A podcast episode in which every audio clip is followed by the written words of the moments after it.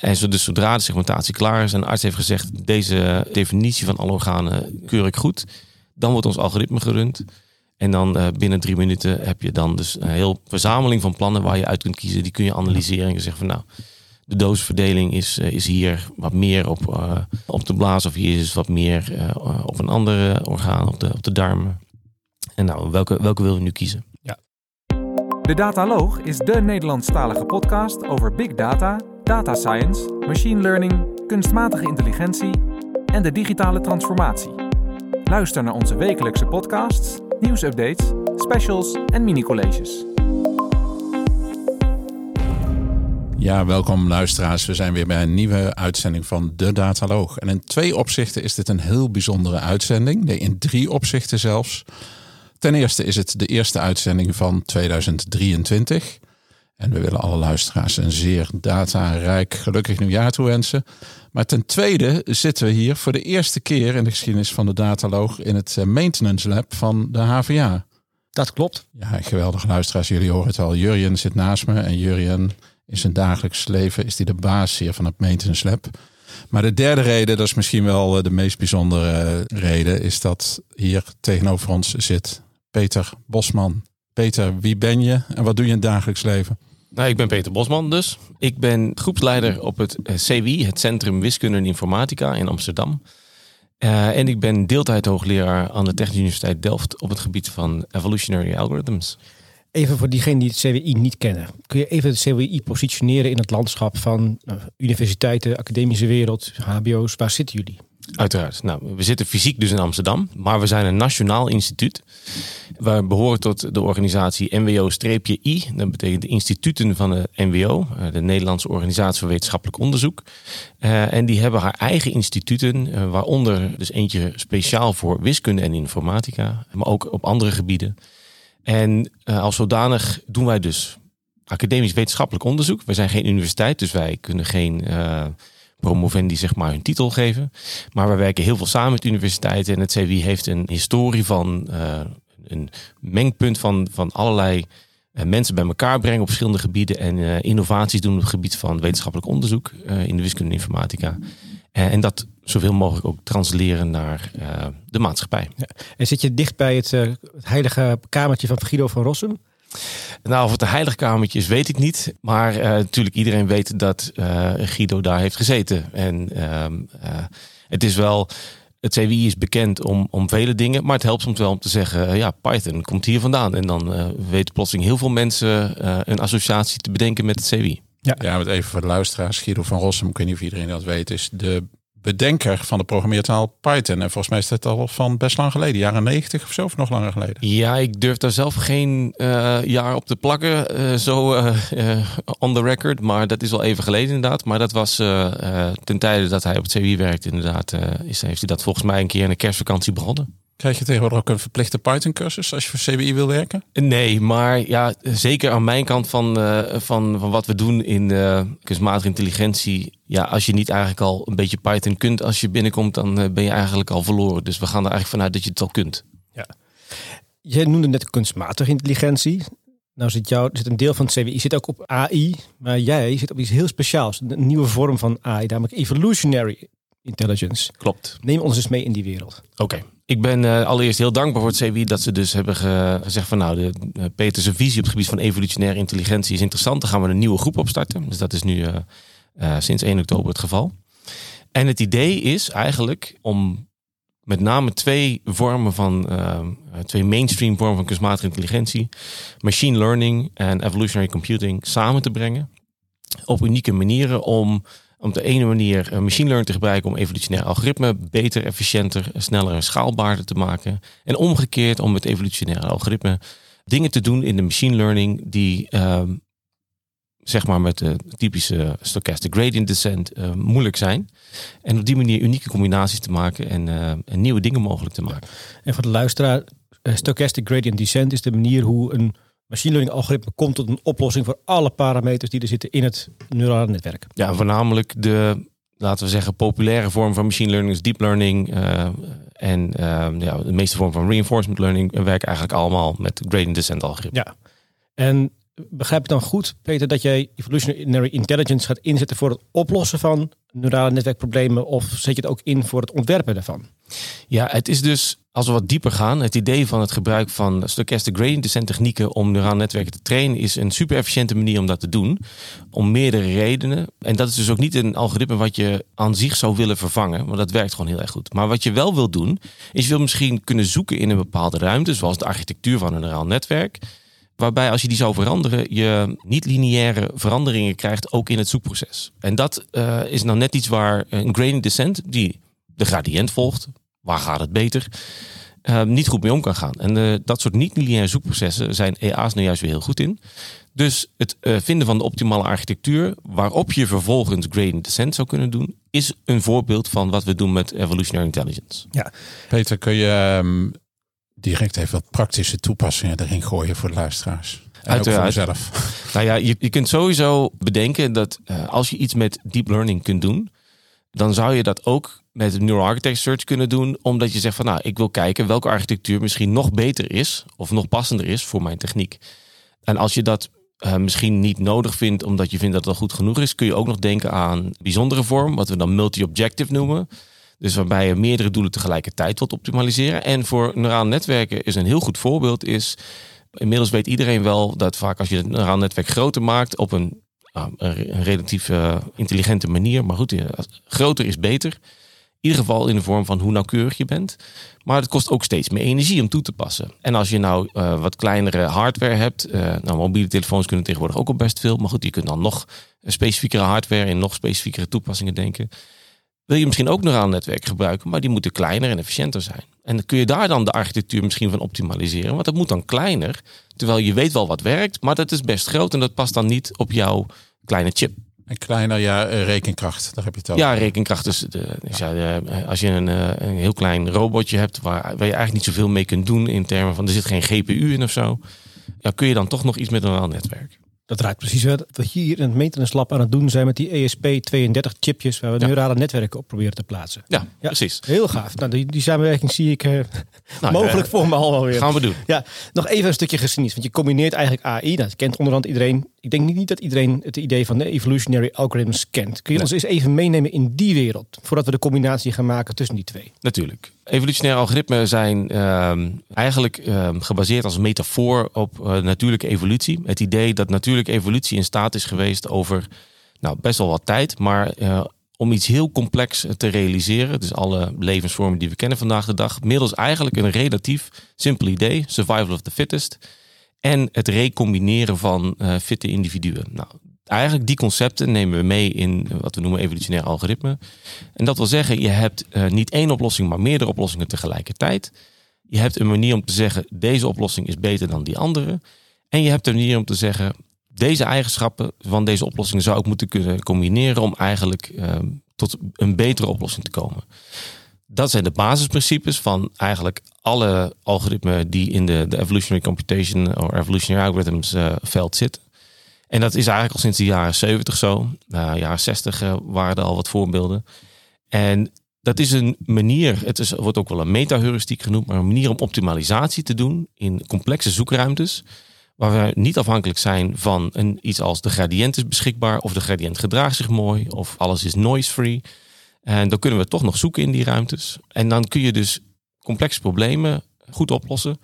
Zonder dat je daar dus allerlei benaderingen aan hoeft te doen eerst. Dus je kunt ze redelijk makkelijk toepassen op uh, complexe problemen. Uh, en dat geldt voor zowel problemen met discrete variabelen als continue variabelen. Ja. Dus even voor de luisteraar, als je een 2D-grafiekje hebt, heb je feitelijk twee variabelen die, waar je een zoekruimte in hebt. In, nou, we hebben nu GP, GPT-3. Dat is 175 biljoen ja. Dimensionale ruimte waar ergens de oplossing zit voor zo ziet het eh, beste algoritme eruit. Ja. Natuurlijk een onmogelijke zoektocht om daar iets in, in te vinden. Ja, en toch werkt het. Maar dat is dan vanwege stochastic gradient descent. Dat betekent eigenlijk, je staat op een heuvel en je gaat gewoon uh, de eerstvolgende uh, afdaling af. En dan daar waar je uitkomt, uh, ja. dat is ongeveer wel goed. Ja. um, ik, ik herken doet een beetje denken aan die, van die filmpjes dat je ze, uh, die je dan wel eens op internet ziet van een klassieke AI. Dat je robotjes ziet die zich steeds evolueren naar een beter functionerend robotje. Dat je op een gegeven moment in de evolutie bijna een mensachtig geheel ziet. Dat is niet voor niets, want de evolutie heeft ook zo gedragen dat we naar een optimaal punt toewerken. Ja. Zo moet je het ongeveer zien, hè? maar dan met parameters. Ja, ja het, idee, ehm, het idee is eigenlijk, je moet nadenken over waarom zou je zo'n paradigma willen gebruiken. Ehm, het idee daarachter is decompositie. Namelijk het idee dat eh, heel veel systemen die we kennen op de een of andere manier decomponeerbaar zijn. Dan, ofwel uh, lineair ofwel hiërarchisch. Maar het idee ook als je, als je een engineer vraagt, als je iets bouwt, dan bouw je vaak in termen van modules die je dan stapelt. En ervan uitgaande dat problemen niet allemaal compleet random zijn, maar juist een soort van decomponeerbaarheid hebben, zou het zin hebben om die decompositie op te zoeken. En dan volgens die decompositie te recombineren. Dat is dan veel efficiënter. En als je denkt aan een levend organisme, een mens of een, een dier, dan zou je zeggen van nou, ik wil uh, de DNA wel recombineren, maar het heeft wel zin als ik daar waar de kleur van de ogen uitgedrukt wordt, dan ook daadwerkelijk als geheel uitwissel. Uh, want dan krijg ik efficiënte zoektocht in de term van uh, kleur ogen of, of een andere eigenschap. Peter, we hadden het uh, in het voorgesprekje, want nogmaals, we zitten hier in het maintenance lab hè, van de Hogeschool van Amsterdam. We hadden het over robotica, we hadden het over die dansende robot van Boston Robotics, Boston, Boston Dynamics. Dynamics ja. ja. Dat is eigenlijk ook evolutie. Hè? Die robot die moet steeds beter worden. Die moet steeds meer, net zoals een mens, hè, beter gaan lopen, beter gaan dansen, et cetera, et cetera. Zie jij, ja, gewoon even een, een, zijvraag hoor. Maar zie jij uh, toepassingen van uh, AI in, in die ik, ik, zie, ik zie dat zeker. Maar ik zie deze vraag ook als een uh, uitgelezen mogelijkheid om proberen onderscheid te maken voor de luisteraar tussen evolutie en leren. Ze liggen langs de ene kant heel dicht bij elkaar. Maar in de, de AI maken we er toch wel onderscheid tussen. Het idee van evolutie is eigenlijk, dus wat ik zeg, het, um, het combineren van oplossingen van meerdere oplossingen. En als zodanig is dat een optimalisatiealgoritme, net zoals gradient descent. Maar gradient descent is een puntgebaseerd algoritme. Je hebt één punt wat je dan verbetert. En in die zin zijn ze allebei optimalisatie. En in die zin kun je ze allebei gebruiken voor optimalisatie. Alleen op het moment dat je dus weet, je kunt gewoon de gradient gebruiken om uh, dichtstbijzijnde lokale optimum te vinden. En dat werkt heel goed voor jouw probleem, dan moet je dat doen. En zo wordt dus een systeem meestal geleerd om de beste match met gegeven data te vinden. En in die zin, op het moment dat je dus geen selectie hebt van, uh, van deze oplossing is dit de beste, um, praten we eigenlijk niet over evolutie. Je kunt zeggen het is semantiek. Want ja, je hebt ook een stap die zet in het, in het gradient descent algoritme. En dat accepteer je dan toch ook, is toch ook selectie. Maar we identificeren echt wel natuurlijke evolutie als, als meer dan één oplossing. Waar, waaruit we dan een soort van intelligentie op een intelligente manier te distilleren. Wat we nu moeten recombineren. En dus, ik noem het evolutie op het moment dat wij bijvoorbeeld de controllers van die robot, dat we daar meerdere van zouden hebben, één voor één zouden uitproberen op die robot en dan zouden zeggen, nou dit werkt het beste en ze dan recombineren, dan zou ik het een vorm van evolutie noemen. En je, we hadden het in het voorgesprek al over toepassingen in de, in de zorg. Ja. Bij bepaalde vormen van uh, kankerdetectie. Kun, kun je daar wat meer over vertellen? Zeker. Nou, wij hebben in de groep vrij veel succes gehad uh, de afgelopen jaren, vooral aan de kant van uh, de zorg. Dat is ook deels omdat de groep hiervoor Life Sciences and Health heette. En dat was ook echt wel de, de opdracht van de groep. Maar omdat het zo succesvol werd met uh, de technieken die ik uh, ontwikkeld heb. Dat we uh, zo groot werden van nou, het is eigenlijk beter om een groep te maken op het gebied van evolutionary intelligence als techniek. En dan laten zien wat je er al mee kunt. Maar een van de, de mooiste toepassingen, denk ik, die we, die we het verst ontwikkeld hebben op dit moment, is inderdaad het optimaliseren van behandelplannen voor inwendige bestraling van prostaatkanker. En we zijn nu ook bezig met baarmoederhalskanker. En het idee uh, daar is dat je de parameters van een behandelplan, dus hoe moet je iemand uh, bestralen van binnenuit, dat heet dus brachytherapie. Um, hoe kun je de, de, parameters van het behandelplan optimaliseren, zodat je een dosisverdeling, dus een, een radioactieve dosisverdeling, uh, dat is het idee natuurlijk dat je de tumor wil bestralen en de omliggende weefsel zoveel mogelijk wil sparen om problemen later te voorkomen. Hoe kun je nou dat apparaat wat ingebracht is, dat gaat met naalden die ingebracht worden doorheen de, de prostaat worden die geprikt. Het is voor mannen meestal een vervelend verhaal, maar en daardoorheen wordt dan uh, een radioactieve bron gestuurd die stil kan staan in die katheters. En hoe langer die stilstaat, hoe meer straling die lokaal afgeeft. En dat geeft zo'n 300 tot 600 posities waar je kunt stralen. En de vraag is dan, hoe lang moet je op al die posities stralen om precies de dosisverdeling te krijgen die de arts wil hebben om deze patiënt zo goed mogelijk te behandelen. En dat moet heel snel dan ook, want die patiënt ligt al op de operatietafel, ja. denk ik. Of ja, niet? precies. En het idee is, nou, op de operatietafel wordt, uh, worden katheters uh, dus worden ingebracht. Uh, daarna wordt er een MRI-scan gemaakt om te kijken hoe de katheters dan daadwerkelijk zitten. Die worden dan vervolgens uh, tezamen met de prostaat en alle omliggende uh, weefsels die daar omheen in de buurt liggen, worden die ingetekend, worden dus gesegmenteerd. Zodat we daarna kunnen gaan rekenen met, uh, met fysische modellen. Hoeveel straling komt er nu waar als we op een bepaalde manier stralen? En die manier van stralen, die moeten we dus optimaliseren. En er zijn heel veel verschillende manieren waarop je dat kunt doen. Je kunt daar bepaalde afschattingen maken van hoe het fysische model werkt. Um, en dan kun je gradient descent algoritme gebruiken. Wat wij hebben gedaan, is we gezegd, we nemen hier geen shortcuts. We nemen uh, een zo natuurgetrouw mogelijk fysisch model van hoe de straling afgegeven wordt. En we gaan daar, um, dus dan krijg je een niet-lineair optimalisatieprobleem. En dat gaan we oplossen. Maar dat gaat niet met gradient descent. Dus gebruiken we daar ja, nou, state-of-the-art uh, evolutionaire algoritme voor die wij zelf ontwikkeld hebben. En dat deden we op een multi-objective manier. Dat wil zeggen op een manier die heel erg dichtbij ligt bij hoe je normaal gesproken over bestraling denkt. Namelijk, je wil zoveel mogelijk de tumor bestralen en zo min mogelijk de rest. Dat kunnen we uitdrukken in twee objectives. Uh, dat zit iets ingewikkelder in elkaar, maar dat is in feite hoe je het gewoon bekijkt. En dan optimaliseer je dus uh, het probleem, dan vind je meerdere plannen. En sommige plannen hebben dus hele goede tumordekking, maar misschien ook best wel veel extra schade aan omliggende weefsels. En andere plannen hebben misschien eigenlijk te weinig tumordekking, maar sparen heel goed het omliggende weefsel. En ergens daartussen, afhankelijk van nou, hoe goed uh, de implantatie is gegaan en hoe goed misschien andere eigenschappen van de patiënt uh, uh, zijn, wil je een bepaald plan kiezen. En wij rekenen dus al die plannen uit die dus Pareto optimaal zijn, of in ons geval nabij Pareto optimaal, omdat we uiteindelijk een heuristiek gebruiken. En dan kan de arts achteraf dus kiezen, oké, okay, als dit de mogelijkheden zijn, dan wil ik op deze manier de patiënt behandelen. In plaats van dat je, terwijl je het behandelplan opstelt met uh, allerlei handmatige technieken, al moet bedenken van, nou ja, en dan ongeveer dit. Dus het is veel moeilijker om te, om te kiezen. Uh, het is het idee als je een, een, auto wil kopen, dat je zelf de auto eerst nog moet maken en gaandeweg ja, moet ja. bedenken wat je wilt. Terwijl als je gewoon 100 auto's voorgeschoteld krijgt, die uh, van, van heel goedkoop en cracky tot. Ja, en dan kun je zeggen van, nou ja. Dit zijn de beste mogelijke auto's en kies er maar eentje. En dan, dan weet je waar je uh, tussen kunt kiezen, zeg maar. En dit wordt al toegepast, hè? Ja, en dit hebben we dus ontwikkeld uh, met Amsterdam UMC samen. En dat wordt nu toegepast uh, in het Amsterdam UMC voor prostaatkanker. We zijn nu bezig met het Leiden UMC, ook om dat uit te breiden naar baarmoederhalskanker. Even voor mijn beeld, je zegt een, ik heb een fysisch model. Dat, ja. dat is dus niet een neuraal netwerk dat je gebruikt, maar echt nee. een, een, wiskundig model ja. voor hoe de straling per puntje van het naaldje zit, neem ik aan dan. Ja, het is zeg maar hoe de straling vanuit een punt waar de, de, de bron zou zijn, zeg maar doorheen het weefsel op alle andere plekken in het lichaam terechtkomt. Daar heb je zeg maar uh, uh, fysische vergelijkingen voor. En die een beetje diffusieachtige coëfficiënten. Ja, het, het, er zijn nog ingewikkeldere modellen waarbij je zeg maar de, de dichtheid van weefsels meeneemt uh, en dus de absorptie. Uh, uh, dus als je door de botten heen gaat, heb je andere absorptie dan als je wanneer door, door water heen gaat. Um, en dat soort modellen worden dus gebruikt om te zeggen van nou, gegeven dat je zoveel, zo lang hier stilstaat, dus zo lang straalt hier, komt er op al deze plekken. Dat zijn dan dose calculation points. We hebben een hele grote wolk van punten waarin we dat uitrekenen komt er zoveel straling op deze plekken terecht.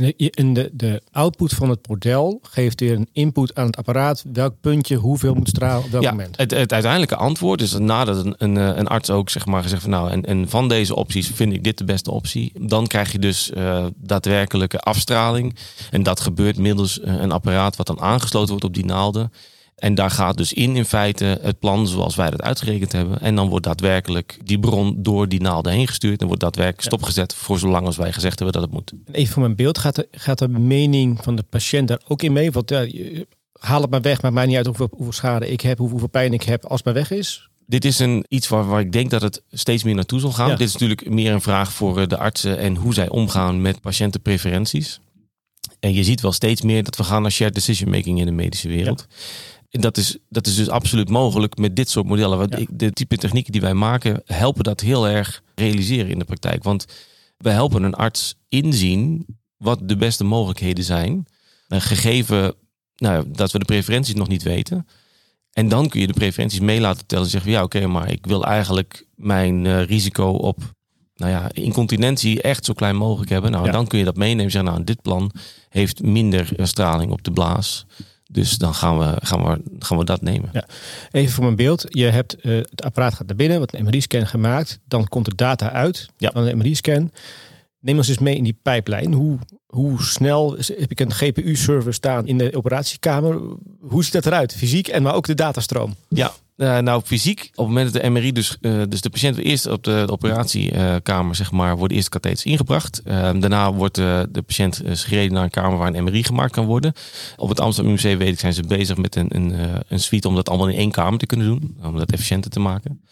Maar daarna moet die, teken, moet, moet die MRI dus nog gecontourd worden, dus of gesegmenteerd worden. Dat gebeurt nog steeds op dit moment met de hand. We zijn ook bezig met het project om dat ook automatisch te gaan doen. En dat gebeurt dan eh, in een kamer ernaast in feite. En daar staat dus tegenwoordig ook een machine met een GPU waar we ons algoritme eh, op kunnen runnen. En zo, dus zodra de segmentatie klaar is en de arts heeft gezegd deze definitie van alle organen keur ik goed, dan wordt ons algoritme gerund. En dan eh, binnen drie minuten heb je dan dus een heel verzameling van plannen waar je uit kunt kiezen. Die kun je analyseren en je zegt van nou, de dosisverdeling is, eh, is hier wat meer op, eh, op de blaas of hier is wat meer eh, op een andere orgaan, op de, op de darmen. En nou, welke, welke wil je nu kiezen? Wat bijzonder zegt is, ik vind het echt een hele mooie, mooie toepassing. Maar ik wil toch één vraagje tussendoor stellen die we eigenlijk altijd stellen bij dit soort verhalen. En dat is weerstand. Je hebt vast ook wel artsen die hier helemaal niet in geloven. Al die moderne onzin. Ja, nou, het is interessant als ik kijk naar hoe het eh, in dit project gegaan is. Dat in eerste instantie is het project geboren vanuit een samenwerking met wat heet de klinische fysica. Je hebt eh, zeker in de ehm, eh, meer technische dis- medische disciplines zoals de radiotherapie heb je echt heel duidelijk klinische fysica. Is echt meer natuurkunde mensen die de apparaten ook beheren en eh, ook helpen dus met nou, het, computergebeuren allemaal rondom de, de behandelingen in goede baan te helpen. En in eerste instantie was het een samenwerking met de klinisch fysica. En natuurlijk zijn de artsen geïnteresseerd. Maar die zagen natuurlijk de meerwaarde van dit soort dingen automatisch doen. Die zien die laboranten al die, al die stappen doen. En ik weet nog toen we voor het eerst daar kwamen om dan te zeggen van nou dit willen we gaan doen. En we hadden een grotere projectmeeting met de artsen. En ik weet dus nou dan wil ik het zo doen. Multi-objective en al dat soort dingen. En toen was er inderdaad zoiets van nou ja, het gaat nooit werken, kan niet.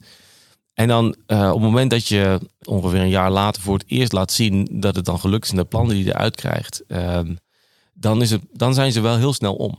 Maar het is wel heel erg eh, seeing is believing. Ja. Er is zeker uh, scepticisme op voorhand, maar als je dus kunt aantonen, kijk, ik kan hier iets doen wat jij met de hand deed en zelfs beter, ja, dan helpt het natuurlijk enorm. En dan plotseling krijg je ook hele interessante gesprekken van, nou, wat ontbreekt er eventueel nog of wat moet er nog beter? Of, Hoe weet je dat het beter is? Maak je er achteraf ook een uh, foto van uh, een tumor? Zie je, zie je daarmee je dus valideert dat je model ook geklopt heeft? Um, dit is een hele gelaagde vraag. Um, uh, want um, het is ja. gewoon heel eerlijk. Ja. Het is op dit moment vooral beter. je hebt eigenlijk meerdere lagen. Je hebt voor mij aan, als, als wiskunde-informaticus heb je, is het beter dan andere algoritmen die je zou kunnen gebruiken op dit probleem. Nou, dat hebben we getoetst. Dat dan gradient descent en dan allerlei dan, andere... Ja, precies. En allerlei andere dingen. Is, dingen, is dat, is dat, uh, uh, kun je daar bepaalde dingen mee die anders niet zou kunnen? En, uh, en wil je dat? Nou, dat is, dat is eigenlijk laag 1. Dan is laag 2 is het op de indices waarop je optimaliseert, is het daarop beter dan de klinische plannen. Dat is ook nog allemaal automatisch te checken. Maar dan krijg je laag 3 en dat is kun je een plan laten zien aan een arts. En kan een arts zeggen of hij of zij dat ook daadwerkelijk beter vindt. En wat een plan bestaat uit een, een dosisverdeling. Dus een, dus een continue verdeling over uh, een 3D-volume waar de, waar de organen in zitten. En een arts kijkt niet alleen naar wat heet de, de, de dose-volume-indices waarop we optimaliseren, maar kijkt gewoon naar het geheel. En zegt dan, ja, ik vind het beter of niet beter. Nou, dat hebben we ook gedaan met een geblindeerde. Uh, nou ja, ik ben inmiddels oud genoeg. De Pepsi-proef ken ik nog, maar niet iedereen kent dat meer. Maar een soort van Pepsi-proef voor brachttherapieplannen. Dus even, nou, retrospectief voor mensen die behandeld waren, hebben wij zeg maar opnieuw uitgerekend. En dan zeggen van, nou, welk van deze plannen vind je het beste? Nou, daar kwam in 98% gevallen, kwam onze plannen kwamen eruit. En dat is dan zeg maar stap drie. Maar stap vier, en dat is eigenlijk waar je naar hint, dat is voor mij als wiskunde-informaticus heel moeilijk. Maar dat is eigenlijk, als we over vijf jaar terugkijken, ja. de patiënten die behandeld zijn met deze methode, heeft het dan ook daadwerkelijk iets beters opgeleverd. Op dit moment gaan wij af op wat de artsen zeggen van als je het op deze manier doet, zou het beter moeten gaan. Dat weten we uit ervaring. Maar Die dat kunnen wij niet. data- die andere data heb je gewoon nog niet. Ja, Dus dat kunnen wij niet kwantificeren. Daar heb je eh, zeg maar eh, weer medische trials voor nodig. En als je het nog heel anders zou willen doen, dan moet je zelfs gewoon een prospectieve trial gaan doen. Op dit Ja. moment gaan we af op wat artsen willen. En proberen eigenlijk te maken wat ze al deden, sneller eh, en efficiënter en herhaalbaarder. En daar nog iets beter in te gaan wat hun betreft. Dus dat je de, zeg maar, je hebt een bepaalde af- afhankelijkheid tussen, tussen sparen en, en dekken van de tumor. En die trade-off maak je gewoon echt beter. Dus je hebt echt meer dekking van de tumor en echt minder schade aan omliggende wezens. Dat kun je heel duidelijk zien. Maar om te zeggen, we gaan een compleet ander plan maken. Dat kunnen we met de software wel doen, maar dat doen we dus niet. Want daar heb je gewoon iemand voor nodig die zegt van nou, het is misschien goed als we A en B met elkaar gaan vergelijken. En dan krijg je een heel ander verhaal. Dan krijg je echt een medisch verhaal. Ja. En dat is niet aan mij. Nee, dan, dan wordt het een medische interventie. Dan ga je Ja. een heel ander pad op. Ja. Ehm, ik ben nog, nog een paar, paar dingen getriggerd. Jij noemde één GPU. Ik ken gradient descent. Eh, dat kunnen we paralleliseren over meerdere GPU's. Ja. En dan zeggen we, joh, we gaan, gaan we lekker rekenen. Ik ken ook vanuit mijn, eh, mijn, mijn, mijn eigen promotieonderzoek een, eh, een run die ik gedaan heb op Cartesius. En dan kreeg ik op een gegeven moment een factuur van, eh, nou, factuur in ieder geval een overzicht van mijn GPU-uren. Dat 25.000 GPU-uren verspijkerd in een paar, in een paar maanden. Ja. Voor het wat, stond, wat stond er op de factuur? Je, daar maar. daar- gelukkig staat er voor de UvA niks op de factuur. Dat is een jaarbedrag dat gewoon afgesproken is. Maar ik weet dat, dat het algoritmes ook heel erg computational intens kunnen zijn. Ja. En die heel veel vragen van- aan resources. Ja. Kun je iets zeggen over de resources die je nodig hebt in vergelijking met de traditionele oplossingsmethoden? Ja, dat, dat valt dus heel erg mee. Kijk, het is wel zo dat wij, ehm, omdat wij dus direct optimaliseren op de, de fysische dosis engine, eh, heb je wel dus eh, meer rekenkracht nodig en dit soort type algoritme nodig. En dus we rekenen wel op een GPU. En dat is natuurlijk al een, eh, je moet dus een GPU-kaart kunnen kopen, maar dat is, je hoeft daar niet de allerbeste GPU-kaart, je hoeft er ook niet vier te hebben. Eentje van vier jaar geleden werkt prima. En dat is dus, eh, maar het, grote verschil denk ik waar mensen van horen over GPU-tijd en al die dingen, dat gaat over een systeem leren. En dit is dus nog steeds eigenlijk optimaliseren. Ja. Dus eigenlijk nog steeds voor elke patiënt opnieuw het algoritme starten en eh, het optimale plan uitrekenen of meerdere optimale plannen uitrekenen in ons geval. En dat is wat anders dan een machine learning algoritme trainen offline. Wat in staat zou kunnen zijn dat op het moment dat je een nieuwe patiënt ziet, eigenlijk niet meer hoeft te rekenen, maar gewoon eigenlijk zegt van en dit is het beste plan. Ja. We zijn ook niet, je bent ook niet met machine learning bezig. Voor, even voor het beeld van de, van de, van de luisteraar. We In dit niet, specifieke project niet. Nee, maar oh, kijk en eh, dit is al- altijd die maar hè, bij, Ja. die, bij die professoren. Nou krijg je de deep dive dan, zeg maar. Wat wij eh, specifiek, wa- waarom eh, ben ik zo enthousiast over mijn specifieke vorm van evolutionary computation? Wij doen machine learning binnen eh, het EA, zeg maar. En dat doen we heel specifiek om wat heet afhankelijkheden tussen variabelen eh, te schatten en uit te buiten. Dus wat ik eigenlijk net zei, eh, natuurlijke evolutie werkt eigenlijk op een gegeven moment heel erg efficiënt, omdat langs DNA zeg maar zijn dingen die belangrijk zijn, zijn dicht bij elkaar gecodeerd, zodat als je dingen uit gaat wisselen, dat je volledige segmenten uitwisselt die ook daadwerkelijk iets betekenen. Dat is een optimalisatieprobleem, wat, zoals ik eerder zei, eh, waarvan we vanuit gaan dat er een bepaalde afhankelijkheid tussen de variabelen zitten. Is dat net zo? Maar de vraag is, waar zitten die afhankelijkheden? En kun je die vinden? En daar gebruiken we nou juist weer machine learning technieken voor. Dus binnen de run van het evolutionaire algoritme heb je zo'n verzameling van oplossingen. Gaan we die oplossingen gaan we analyseren om te zeggen van hé, hey, we zien hier wel een sterke afhankelijkheid. Dat als deze twee dingen samenkomen, dan is de kans dat het plan veel beter wordt, is, is groter. Dus laten we daarop inzetten. Ja. En dan krijg je plotseling heel efficiënte evolutie. Dus machine learning in de klassieke zin van we leren een model wat we later kunnen gebruiken, niet. Maar we doen machine learning binnen de EA-loop. Dus dat is alweer een vorm van evolutionary intelligence. Wauw. Oké, ja. Ik had nog een vraag. Als je ehm, het voorbeeld van eh, ontdekken van of het behandelen van prostaatkanker, dat heb je net eh, besproken. Zijn er nog andere eh, medische specialismes waar je AI kunt toepassen? Ja, kijk, in, in, ehm, in de brede zin van het woord is AI, ehm, wat ik zei, een combinatie van evolutionary computation en, en machine learning. En eh, daar kun je bijzondere dingen mee doen. En als zodanig kun je eigenlijk alles wat je met machine learning kunt doen, kun je ook met AI doen. Maar je kunt daar een verrijking aan toepassen. Dus eh, het is, ik, ik zou het liefst niet zoveel in een hokje willen stoppen, maar willen zeggen van nou, je, het is een, eh, een combinatie van technieken waarmee je eh, bepaalde dingen, nieuwe dingen mogelijk maakt. Ja, maar in, als het over machine learning gaat, dan denk ik ook een hele simpele toepassing. Toepassingen tussen aanhalingstekens. Zoals het voorspellen van de omzet van een supermarkt. Ja. Daar zie ik niet direct een toepassing voor AI. Of zie je dat wel? Het hangt er maar net vanaf wat je wilt voorspellen, denk ik. Eh, Als ik een voorbeeld geven, ehm, dat, dat terug naar de medische wereld, waarin je dus automatisch wilt segmenteren, eh, eh, zodat je die stap van het, waar zitten nu de organen die een rol spelen bij de behandeling, dat je dat ook automatisch kunt doen. Ehm, daar hebben al heel veel mensen gepubliceerd over het gebruik van deep learning modellen, voornamelijk UNet en tegenwoordig ook vision transformers, om ehm, automatisch te kunnen segmenteren. Dus kun je zeggen, nou dat probleem is een soort van opgelost. Je moet gewoon zorgen dat je goede data hebt en dan komt het wel goed. Maar nou kom ik met de vraag, ja, maar wacht even. In de praktijk, eh, als ik twee artsen vraag om het te segmenteren, krijg ik niet hetzelfde antwoord. Als ik een machine learning model train, krijg ik toch maar één antwoord.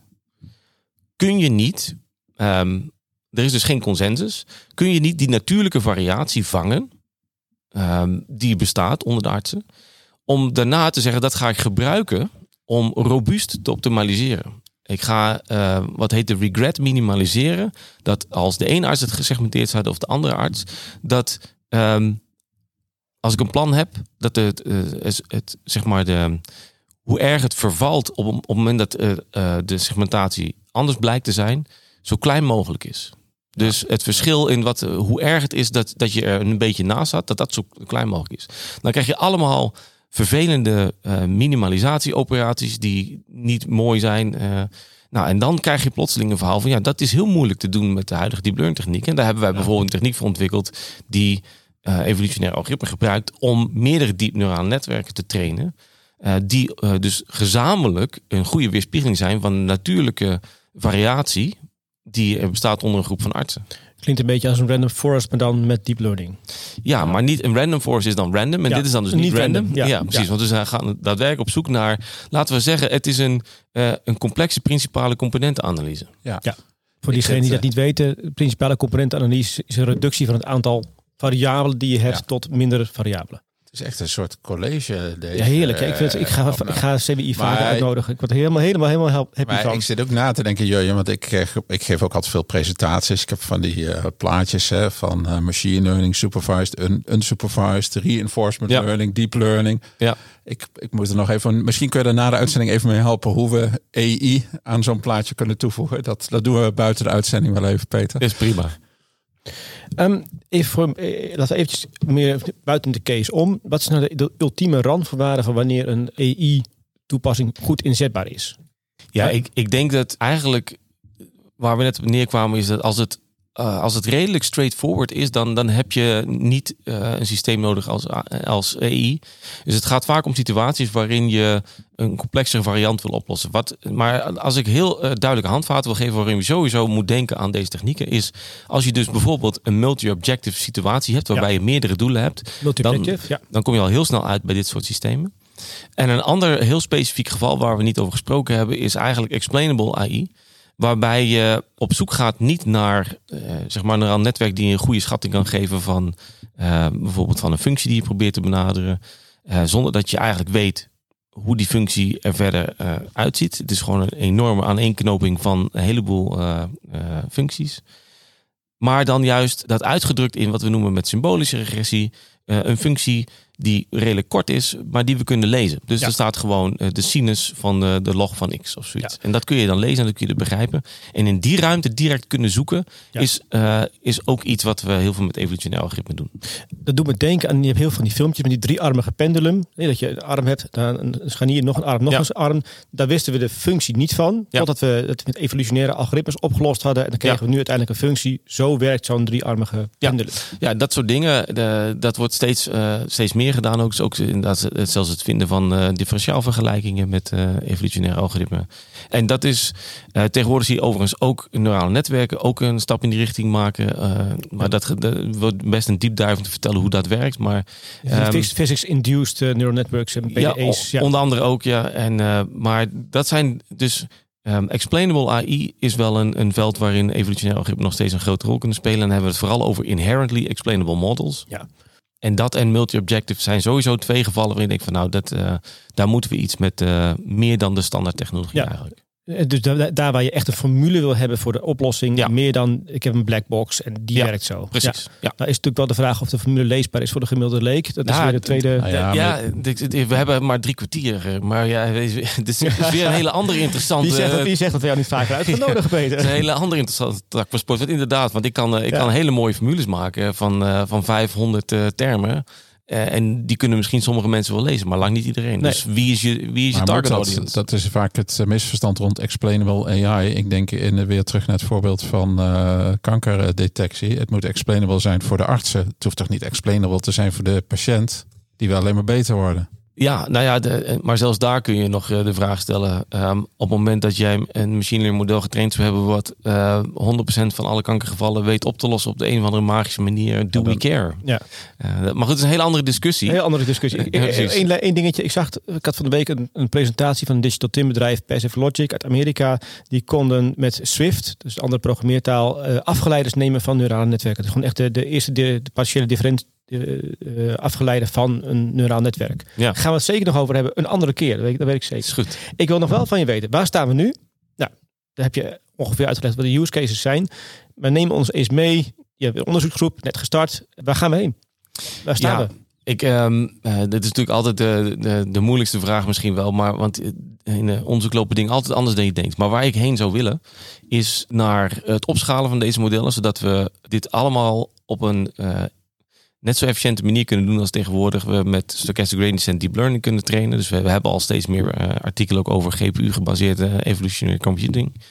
Ehm, en dat we dus ehm, laten zien wat de meerwaarde is, onder andere van explainable AI eh, in allerlei complexe toepassingen. Dus we doen steeds meer toepassingen ook in de medische wereld.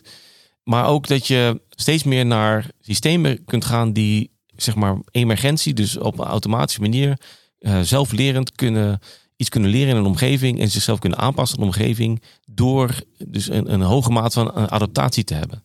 En dan krijg Klinkt je als simulatiemodellen. Zo'n Nou ja, zo'n agent-based model wat, eh, wat dat, eh, gaat werken. Ja, maar stel nu dat je dat dus met complexe evolutie zou kunnen doen, waarbij het deep learning verhaal de evolutie kan versnellen, omdat die automatische patronen kan herkennen. Kan zeggen van nou, als je deze manier recombineert, gaat het beter. En tegelijkertijd de evolutie in staat is om betere neurale netwerken te maken, om beter te leren van de omgeving. Dus dan krijg je lerende systemen die ook nog eens een keer evolueren. Ja. Nou, en dan heb je volgens mij, eh, als dat allemaal lukt, dan kun je optimalisatie gaan versnellen. Je kunt successievelijk van, van optimalisatiealgoritmen die tien stappen nodig hebben naar negen, acht, naar op een gegeven moment misschien wel naar one shot, gewoon naar één. Mhm. En je kunt omgekeerd, eh, denk ik, dus unieke dingen gaan doen met, eh, met aan de lerende kant. Dat je Ja. dus zeg maar, nou ja, dus het multi-objective learning, al dat soort dingen kan allemaal, allemaal zeg maar geavanceerde vormen aannemen waarvan ik denk, daar hebben we straks echt iets aan. Het, het blijft explainable, het, eh, het is schaalbaar. Ehm, ja, de- En dan moet ik gelijk denken aan dingen als energienetwerken. Multi-objective Ja. voor op, op middenspanning, hoogspanning, laagspanning, huishouden, wiens objective heb ik. Ik denk aan health, maar ik denk ook aan industrie, aan manufacturing. Ja. Dat zijn sectoren waarvan jij zegt, hey, die zijn complex genoeg absoluut. met fysische... Zeker. En eh, we hebben ook best wel wat contacten met, eh, met dat eh, soort type industrieën. Ook in de logistiek, waar we dit soort technieken willen inzetten. natuurlijk ook. Ja. Ja, dus eh, de- Kortste pad algoritme is natuurlijk een, eh, een heel bekende. ook CWI natuurlijk. eh, Dijkstra. oh, eh, Dijkstra. Ja, ja. Ja. Dijkstra. een, een mooie afsluiting van de, van de podcast. Zo. Nog even het CWI eh, eh, Ja. langs laten komen. Nou ja, tot slot, want we zijn inderdaad eh, bijna aan het einde van het interview. Stel, er zijn luisteraars die willen meer lezen over jouw onderzoeken. Kunnen ze jou googlen? Kunnen ze jou op, op Spotify vinden? Waar kunnen ze jou vinden? Dit was even een inside grapje. Heb je een Nee. GitHub repo? Eh, eh, nou ja, wij hebben natuurlijk allemaal papers die je kunt vinden. Ik ben sowieso Googlebaar. Ik heb eh, gewoon een, een webpagina op het CWI. ehm, eh, een Google Scholar pagina. kun je natuurlijk alle papers lezen. Ik heb ook best wel wat andere interviews gedaan die ook terug te vinden zijn. En eh, wat, wat GitHub en algoritme betreft, eh, we zijn bezig met een, eh, een, een algemene repo te maken van al onze algoritmen over de tijd. Die hopen we over een paar maanden eh, te openbaren. Maar alle onderzoeken, zeker van de laatste jaren, daar bestaat wel een, een Git repo van een of andere promovendus waar dingen te vinden zijn. Alleen we zijn bezig met dat een, een mooie centrale plek te geven. Ehm, en dat over een paar maanden heeft dat een mooie centrale plek waar je dat dus gewoon kunt downloaden en mee kunt spelen. En heb ik dan ook een PhD nodig om een, te dus kunnen spelen met deze algoritmes? Of zeg je nou, het is echt goed geschreven stof door een goede, goede PhD'ers die Python goed in de, in de vingers hebben en ook remarks plaatsen in hun code? Nou, ik heb daar dus eh, ehm, een, een heel goede scientific software developer voor. Dus het antwoord zou moeten zijn, daar heb je niet een PhD voor nodig. Alleen ja, als je aan deze kant van ontwikkeling staat, dan eh, zie je soms ook misschien over het hoofd hoe complex dingen misschien toch nog zijn. Maar ik ga ervan uit dat het redelijk toegankelijk moet zijn. Sowieso hebben we een Python frontend omheen gebouwd. Dus dat zou redelijk toegankelijk moeten zijn. Ik eh, verwacht, eh, Han, dat jij wel gaat spelen hiermee, toch? Ja, dat ben ik wel van plan. ik heb vorig jaar een data science opleiding gevolgd. Dit is natuurlijk eh, de next step. Next step, En, ja. Precies. Nou ja, eh, tot nu echt tot slot, Peter. Is er nog iets wat, jij, wat we niet gevraagd hebben? Of iets wat je aan de luisteraars wilt meegeven? Ja, ik denk heel veel, maar dat zal dan een andere keer eh, moeten zijn. Maar ik zou zeggen, de wereld is meer dan deep learning. Ja, ga- d- wil je dat even herhalen, alsjeblieft? Nog even minstens drie keer herhalen. De- ja, nou, en zeker ook binnen de kunstmatige intelligentie is er meer dan deep learning. Dat wil niet zeggen dat deep learning niet enorm krachtig is en niet een enorm fantastisch mooie eh, techniek is. Maar we kunnen meer dan alleen deep learning. heel mooi verpakt, drie keer in één zin. Heel goed, ik word er heel gelukkig van. Niet alles in een black box stoppen. Peter, dankjewel voor het interview. Ja, graag Hartstikke leuk. En we zien je graag nog een keer terug bij deze. Doen we. Ja. Bedankt voor het luisteren naar deze uitzending van de Dataloog. Vond je onze podcast leuk, goed, interessant of wellicht te veel ene en nullen? Laat een review achter of geef thumbs up. Heb je vragen of opmerkingen? Kijk dan ook eens op www.dedataloog.nl. Hier staan ook de show notes van alle uitzendingen. Je vindt onze nieuwe uitzendingen wekelijks op iTunes, Stitcher, Spotify en alle andere bekende podcastplatforms. Alles wat wij maken doen we onder Creative Commons. Je mag alles hergebruiken voor niet-commerciële doeleinden, zolang je ons als bron maar noemt. Volg ons op Twitter op @dedataloog. Graag tot de volgende keer.